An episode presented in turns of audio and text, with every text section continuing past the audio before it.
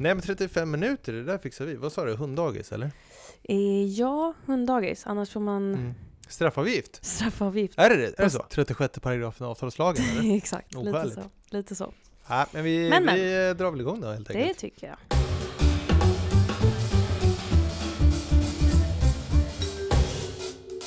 Varmt välkomna till Juristerna svarar. Det här är Företagarnas podcast där du som lyssnar ska få tips, svar och råd som hjälper dig i din företagarvardag. En anställd får väl inte jobba 26 timmar i sträck? Eller? Vad är skillnaden mellan jour och beredskapstid? När är nattarbete tillåtet? Och vem bestämmer när en anställd ska ta rast och paus? Det ska vi prata om i dagens avsnitt. Jag heter Oksana Jakimenko Och jag heter Hampus Löfstedt. och vi arbetar på Företagarnas juridiska rådgivning. Välkomna till podden! Ja du Hampus, idag ska vi prata arbetstidslag för andra gången i poddens historia. Ja men precis. Eh, och den här gången så ska vi ha lite extra fokus på, ja vad ska vi kalla det, Schema, schemaläggningsfrågor. Lite, lite torrt kanske, men, men det, är ju, det är ju det det är. Ja, ja men eh, när du säger det sådär så låter det faktiskt lite torrt, men det, men det behöver väl inte vara, om inte annat så är det ju, ja, man kan ju säga en av grundbultarna i anställningsförhållandena, eller hur? Alltså när arbetet ska utföras och inte. Eh, ja, men ja, jo, det är det faktiskt. Man brukar väl också säga det att eh, arbetstid och lön, det är ju två så kallade tunga anställningsvillkor. Så det är Mm. ju en, en viktig del i anställningsförhållandet. Men vi kommer ju inte prata om arbetstid i, i eh, relationen till anställningsavtalet som ett anställningsvillkor idag, eller hur? Nej. Utan vi kommer ju prata om det i relation till tvingande lagstiftning, alltså arbetstidslagen, som ju, vi ändå ska understryka, om en tvingande lagstiftning, inte alltid lika tvingande. För att det är en så kallad semodispositiv lagstiftning Mm. som gör att man genom kollektivavtal kan avtala om andra regler. Ja. Så det ska ni ha i åtanke idag lite extra kanske, just för att arbetstidslagen behandlar ett sådant område som väldigt ofta det finns undantag för i kollektivavtal. Yes. Bra att du fick med det också. Men eh, jag nöjer mig där. Vad, vad tycker du? Ska vi köra med dagens första fråga? Ja, men det tycker jag. Härligt! Hej! Jag är ganska ny som företagare och ny medlem hos er. Kul! Mhm. Eh, Vi arbetar bland annat med IT-support och vill hålla öppet så många timmar om dagen som möjligt, inklusive kvällar och helger, dock ej nätter. Hur ska man tänka kring schemaläggning för att effektivisera arbetstiden utan att bryta mot lagen? Mhm. Ja, jag tänker om vi ska köra bara lite kort recap kring arbetstidslagen och arbetstid så står det ju i femte paragrafen i arbetstidslagen att den ordinarie arbetstiden får uppgå till högst 40 timmar i veckan. Just det. Och enligt tolfte paragrafen så ska arbetsgivaren lämna besked om den ordinarie arbetstidens förlängning, alltså lämna ett schema till arbetstagarna, Mm. senast 14 dagar i förväg. Ja, och den som vill kan ju lyssna på avsnitt 45 om jag inte missminner Ja, mig. exakt. eh, kring det där. Precis. Eh, och sen utöver ordinarie arbetstid på 40 timmar i veckan så får ju arbetsgivaren också begära att den anställda arbetar ett visst antal timmars övertid. Men jag tänker att eftersom att övertidsarbete inte får schemaläggas så att det blir det här varaktiga inslaget i arbetet utan att det bara ska användas i undantagsfall och när det är absolut nödvändigt så, så tänker jag att vi, vi lämnar övertidsarbetet därhän Mm. och tar inte upp det just eh, den här frågan. Men okej, så 40 timmar i veckan. Hur kan vi schemalägga det här, de här timmarna för att effektivisera då arbetstiden utan att bryta mot arbetstidslagen? Ja, mm, det som påverkar schemaläggningen Mm. och därmed då hur mycket varje anställd får arbeta per dygn, det är ju eh, bland annat då dygnsvilan och veckovilan. Och dygnsvilan regleras i 13 paragrafen ATL, alltså förkortning för arbetstidslagen. Och den ger då en arbetstagare rätt till minst 11 timmars sammanhängande ledighet under varje period om 24 timmar. I dygnsvilan ska tiden mellan 00 och 05 ingå om det inte finns särskilda omständigheter som kräver att anställda jobbar de timmarna. Det var alltså dygnsvilan. Sen har vi ju veckovilan då, som finns i 14 paragrafen. Och där står det att arbetstagaren ska ha minst 36 timmars sammanhängande ledighet under varje period om sju dagar. Till veckovilan räknas inte beredskapstid då arbetstagaren får uppehålla sig utanför arbetsstället men ska stå till arbetsgivarens förfogande och utföra arbete när behov uppkommer. Och en mening till. Det anges Mhm. också att veckovilan ska så långt som möjligt förläggas till veckoslutet. Så. Och ni som sitter och undrar, vaha, du sa någonting om natt, eh, det var dygnsvila, skulle inte lägga på natten och det där med beredskap, hmm, det vill jag veta mer om. Men vilken tur, för det kommer jag ta upp i mina frågor. Mm. Cliffhanger! Yes. Okej, Nej, men och så tänkte jag också bara för the record säga så här att i femte paragrafen i arbetstidslagen eh, så står det också om eh, ordinarie arbetstid att en arbetsvecka börjar i regel på måndag, men företag får besluta om att arbetsveckan ska starta en annan veckodag då, om det är mer passande för verksamheten. Så, så att vi har alltså 11 timmars dygnsvila Mm. under en period på 24 timmar Mm. och 36 timmars sammanhängande ledighet under varje period om sju dagar, som alltså är veckovilan. Just det. Så att det här betyder ehm, att enligt arbetstidslagen så får man faktiskt ha ett arbetspass som är på 26 timmar i sträck. Om man då lägger dygnsvilan i början på dygn 1 Mhm. och sen i slutet på dygn 2. Ah. Så att alltså om man börjar då med 11 timmar vila, Mm. sen jobbar 26 timmar och sen Mm. har man 11 timmars vila, då uppfyller man ju kravet på dygnsvila. Just det. Och när det kommer till veckovilan så kan en anställd faktiskt arbeta 11 dagar i sträck Mhm. utan att arbetsgivaren bryter mot kravet på veckovilan. Mhm. Och, och för att göra det här rätt och riktigt då så måste Mm. man schemalägga så att den anställde eh, får de första 36 timmarnas veckovila precis före starten av arbetsveckan och sen då i slutet av andra arbetsveckan. Ah. Så. Så att så här kan man ju tänka kring schemaläggning. Mm. Men, men jag vet inte vad du säger Hampus, men jag tror inte att det är så många arbetsgivare som, eh, som tänker så här eller som kanske ens bör tänka så här kring schemaläggning. Nej. Och jag tänker, alltså anledningen är ju väldigt uppenbar. Ingen av oss är läkare, men vi båda är ju Mm. arbetstagare. Eh, och det finns ju onekligen både fysiska och psykiska risker liksom med att schemalägga arbetet på det här sättet. Så att även om arbetstidslagen tillåter den här typen av schemaläggning så ska man ju inte glömma bort att arbetstidslagen är en skyddslagstiftning för anställda Mm. och att låta, då jobba en anst- att låta en anställd jobba 26 timmar i sträck kanske inte riktigt går i linje med att ja, värna om den anställde så att säga. Nej, och där kan man nog få lite arbetsmiljörättslig problematik. Ja, det tror jag definitivt. Sen finns det ju andra begränsningar i arbetstidslagen som också gör att det här kanske inte används på det här sättet. Jag tänker att ja, den ordinarie arbetstiden ska vara eh, 40 timmar i ett genomsnitt på fyra veckor och så vidare. Då har man ju bränt 26 timmar av dem på ett, på ett bräde och det kanske inte alltid är så bra för verksamheten. Exakt, men å andra Mm. sidan så beror det ju på vad det är för verksamhet. Sant. Alltså man sant. kanske, man kanske Mm. behöver det. Så att, som sagt, ehm, som arbetsgivare har man ju ändå ganska stor möjlighet att liksom fixa och trixa med schemaläggningen Mm. för att få till en bra arbetstidsförläggning, både för de anställda och för arbetsgivaren. Och som sagt, det här med att jobba 26 timmar i sträck, ja det är tillåtet, men är det optimalt? Kanske inte. Men, men jag tror ändå att lyssnaren kan få till ett bra schema så att verksamheten kan ha öppet både dagtid, kvällstid och helger utan att bryta mot arbetstidslagen. Vad tror du? Ja, definitivt. Äntligen! Som jag har längtat. Jag har ju varit på semester en vecka. Ja, just det. Var var jag någonstans? I Stockholm. Stockholm. Yes, precis. Turista på hemmaplan. Staycation. Ja. Hej juristerna svarar. Jag håller på att förbereda min verksamhet som ska bedriva ett vårdhem och undrar vad lagstiftningen säger om jourarbete. Vi kommer att behöva ha personal på plats dygnet runt men har svårt att få till det i schemaläggningen med tanke på dygns och veckovilan. Vi är inte heller riktigt med på skillnaden mellan jourtid och beredskapstid så vore det fantastiskt om ni kunde reda ut detta. Tack på förhand! Ja, då kan man gissa då att, att det inte skulle passa så bra att köra 26 timmar i sträck och sen eh, sådär. Nej, det Nej. kan man tänka sig. Mm. Det, ja. Eh, väldigt matnyttig fråga, tack själv så att säga. Eh, som lyssnarna säkert redan har gissat så återfinns även regler om jourtid och beredskapstid i just arbetstidslagen, närmare bestämt i sjätte och fjortonde paragrafen. Ja, du sa här innan i lunchrummet att eh, sjätte paragrafen arbetstidslagen är tätt skriven. Vad- vi, vi hann inte riktigt prata om det. Vad menade du med, med det?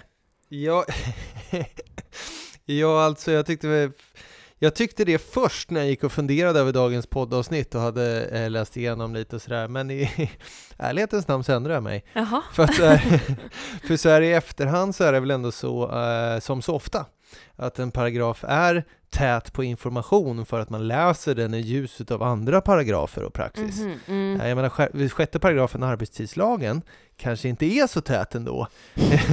Eh, men, men nog om det. Ja, eh, Det framgår ändå då av sjätte paragrafen arbetstidslagen att jourtid handlar om tid då arbetstagaren står till arbetsgivarens förfogande på arbetsplatsen. Mm. Av 14 paragrafen så framgår istället att beredskapstid däremot handlar om tid då arbetstagaren står till arbetsgivarens förfogande utanför arbetsplatsen. Mhm. Eh, vad är då viktigt att veta om jourtid och beredskapstid? Ja, först kan man vara lite kategorisk om man vill. Arbetstidslagens arbetstidsbegrepp tar framförallt sikte på ordinarie arbetstid, jourtid, övertid och mertid.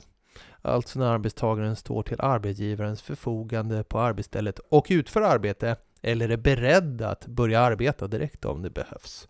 Beredskapstid brukar därför inte räknas in i arbetstidsbegreppet och är istället arbetstidens trevliga kusin kan man säga. Mm. Okej, arbetstidens kusin säger du. Ehm, ska vi tydliggöra det liksom lite, lite mer praktiskt, vad beredskapstid innebär här för frågeställaren, kanske innan vi går in lite mer specifikt på, eh, på jourtid då? Ja men det tycker jag. Mm. Frågeställaren kan eh, schemalägga beredskapstid och då kan arbetstagarna vistas till exempel i sitt hem.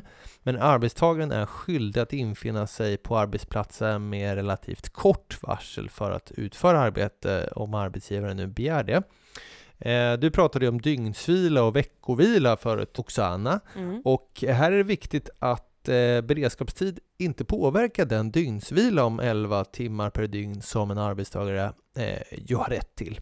Däremot så påverkar utlagd beredskapstid den veckovila om 36 timmar som arbetstagaren har rätt till då det inte får ingå beredskapstid i just veckovila. Då. Mm. Eh, och det kan man ju kanske förstå. Jag menar, det är inte så mycket vila då under den där motsvarande helg då man jobbar måndag till fredag om man då ändå ska vara beredd hela tiden att jobba. Nej att visst, och också åka in med kort varsel då, till arbetsplatsen. Då skulle ja, man inte kunna ha tid för rekreation någonsin. precis. på helgen. Ja. Yes. Hur som helst. Sen är det ju värt att poängtera, eh, om man nu faktiskt blir inringd och åker in och arbetar, Mm. då är det ju inte längre beredskapstid.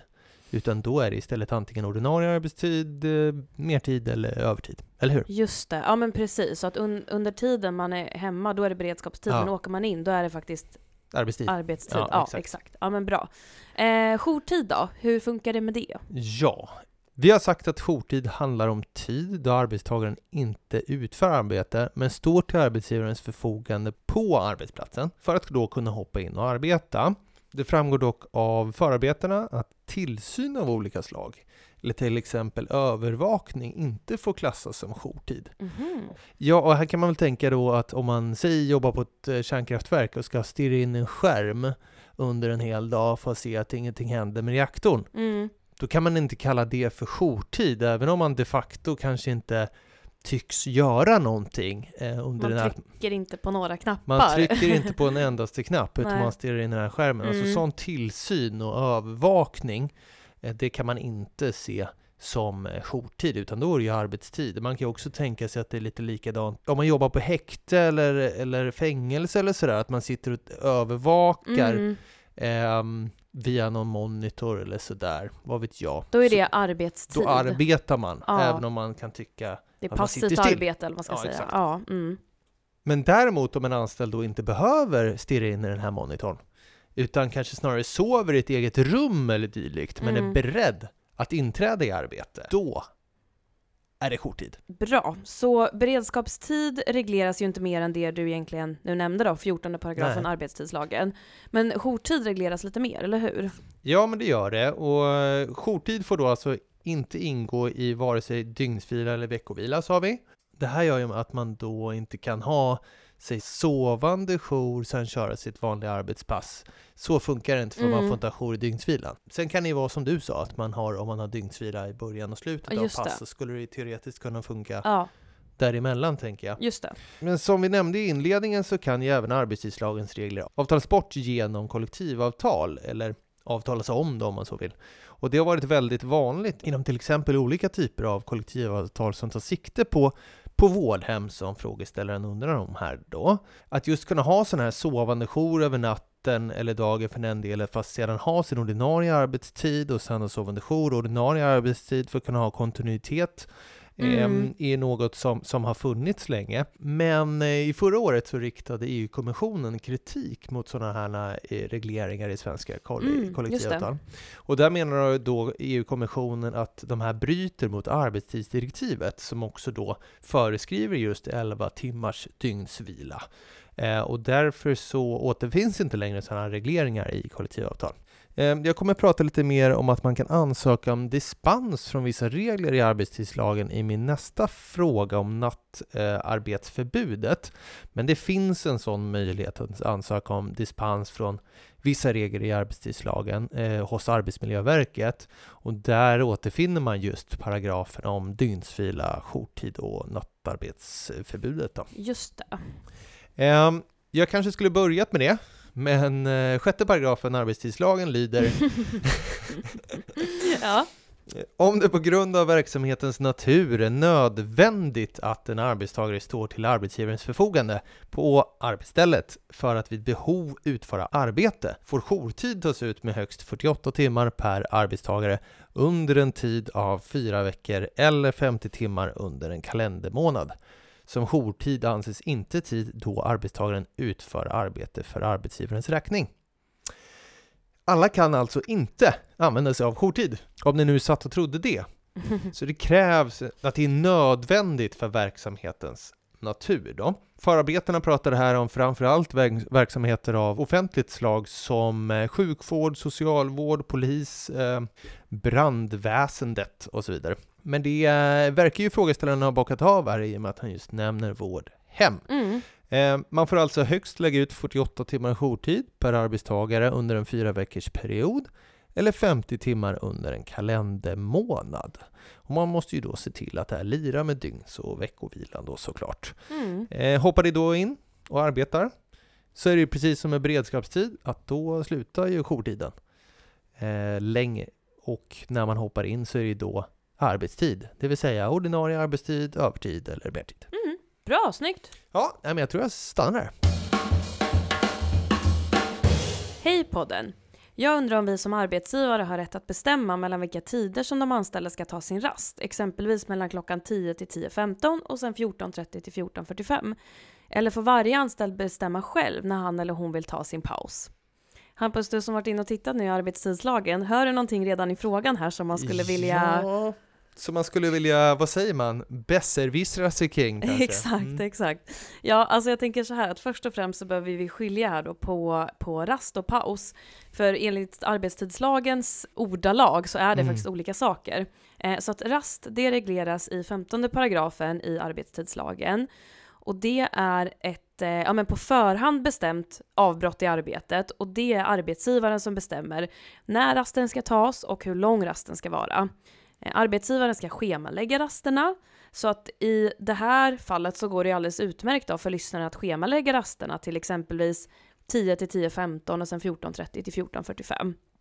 Eh, och något annat som är bra att veta när det gäller just rast, det är att under rasten så har en anställd ingen skyldighet att stå till eh, arbetsgivarens förfogande eller ens stanna kvar på arbetsstället. Så att raster räknas därmed då inte heller in i den betalda arbetstiden.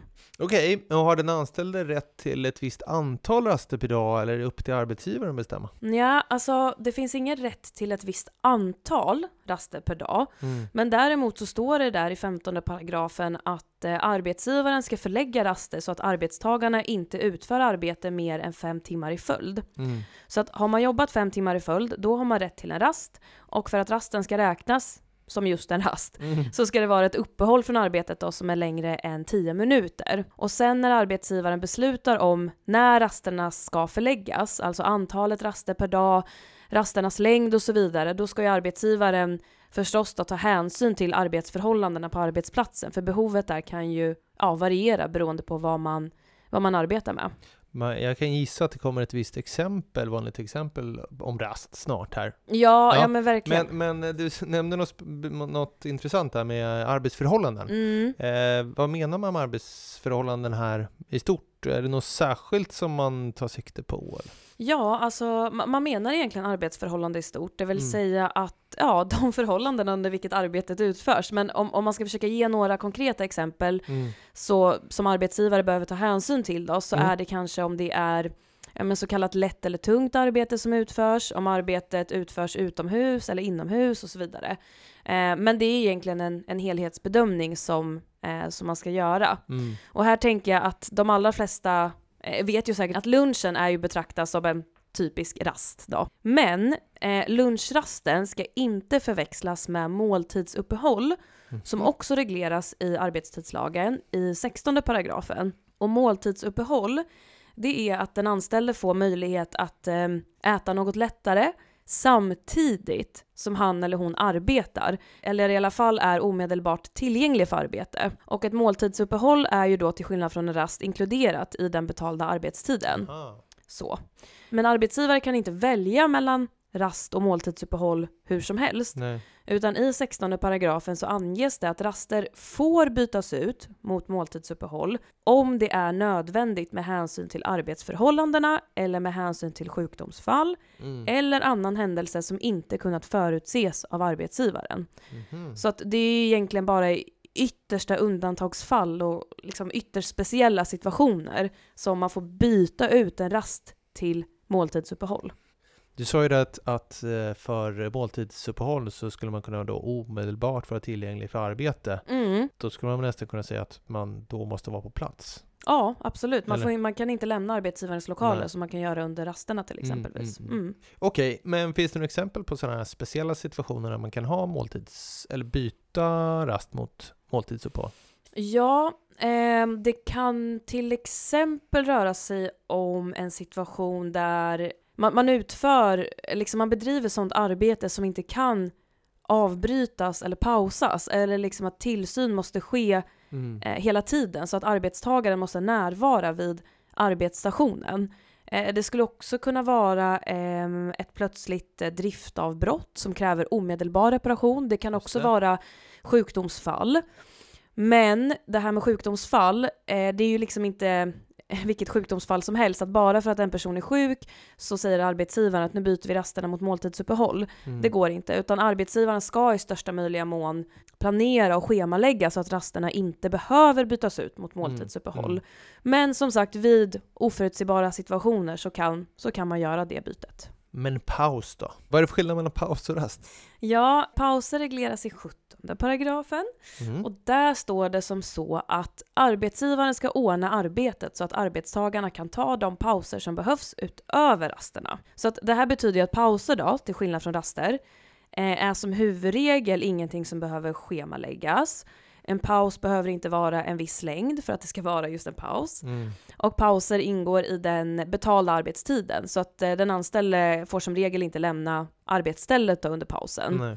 Men med det sagt så betyder det inte att man kan avtala bort pauser eller att pauserna inte är lika viktiga utan lagtexten ger ju faktiskt den anställde just en rättighet att ta paus och arbetsgivaren ska möjliggöra för Så paus är lite mer av en betald bensträckare då?